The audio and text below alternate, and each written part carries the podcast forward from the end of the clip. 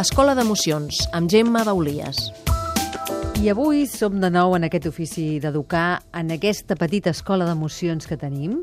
Ens acompanya la Gemma Baulies, que és pediatra, és homeòpata, coautora del llibre L'aventura de relacionar-se, ella és metge naturista, i avui ens parla d'una emoció que apareix en la nostra vida, inevitablement apareix en els nens, per exemple, a l'hora de menjar. No, això no ho vull perquè em fa fàstic. Mm. Avui parlem del fàstic. Hola. Bueno, el fàstic és una emoció que ens ha permès a l'espècie humana arribar fins aquí.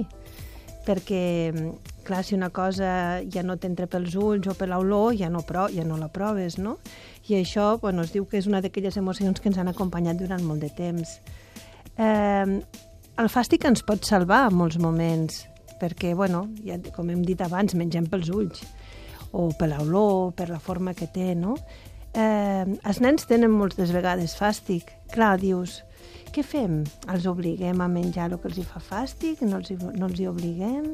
bueno, la paraula obligar és molt lletja, ¿vale? Jo, jo crec molt que els nens són molt llestos i els nens saben perfectament el que necessiten. Si no estan molt no, no han estat molt forçats a menjar des de petits. Ha sortit un estudi molt interessant que deia, saps aquella costum que es deia ara menjaràs una culleradeta per la iaia, una altra per el no sé què, mira l'avió com ve, que això és nefast, feu amb els nens petits, perquè ells perden la facultat de l'autocontrol, de saber quan tenen gana o no.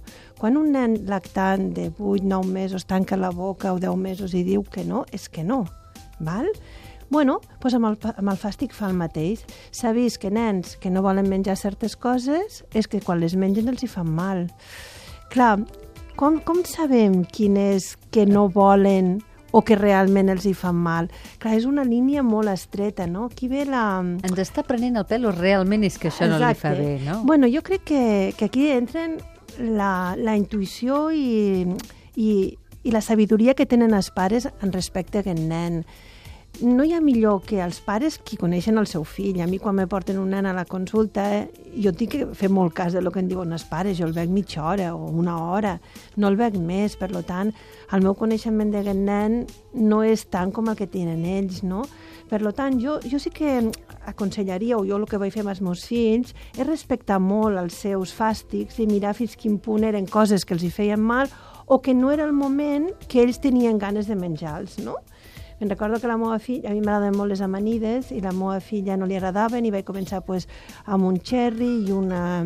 I, un, I una oliva. I una oliva, sí, sí, així, una oliva, un tros de, un, un, com es diu allò, un canònic, saps? Però re, algo miserable, quasi i poquet a poquet així ella va anar menjant. I quan va tindre uns anys em va anar de colònies i em truca i diu, mamà, diu, em menjo unes amanides? I vaig pensar, bueno, ho hem aconseguit, no? El que li feia fàstic ara s'ha convertit en un dels seus aliments més importants jo crec que és molt important acompanyar-los i escoltar-los molt, no?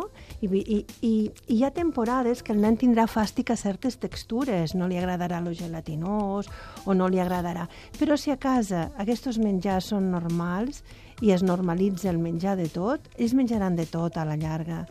Eh, a mi em fa molta gràcia quan diuen és que el nen no menja fruita o és que el nen no li agrada, jo què sé, la gelatina i li preguntes, i a tu t'agrada el pare o a la mare? Diu, no, a mi no m'agrada. I llavors, si no t'agrada tu, a ell és impossible que li agradi, no?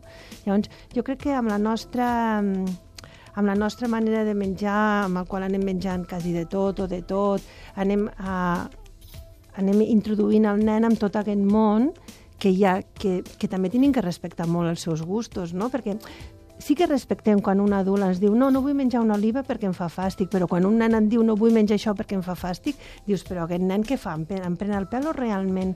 Bueno, millor en aquest moment no en té ganes, això també s'ha de respectar. Per tant, no obligar, sí Mai. ajudar a explorar Exacte.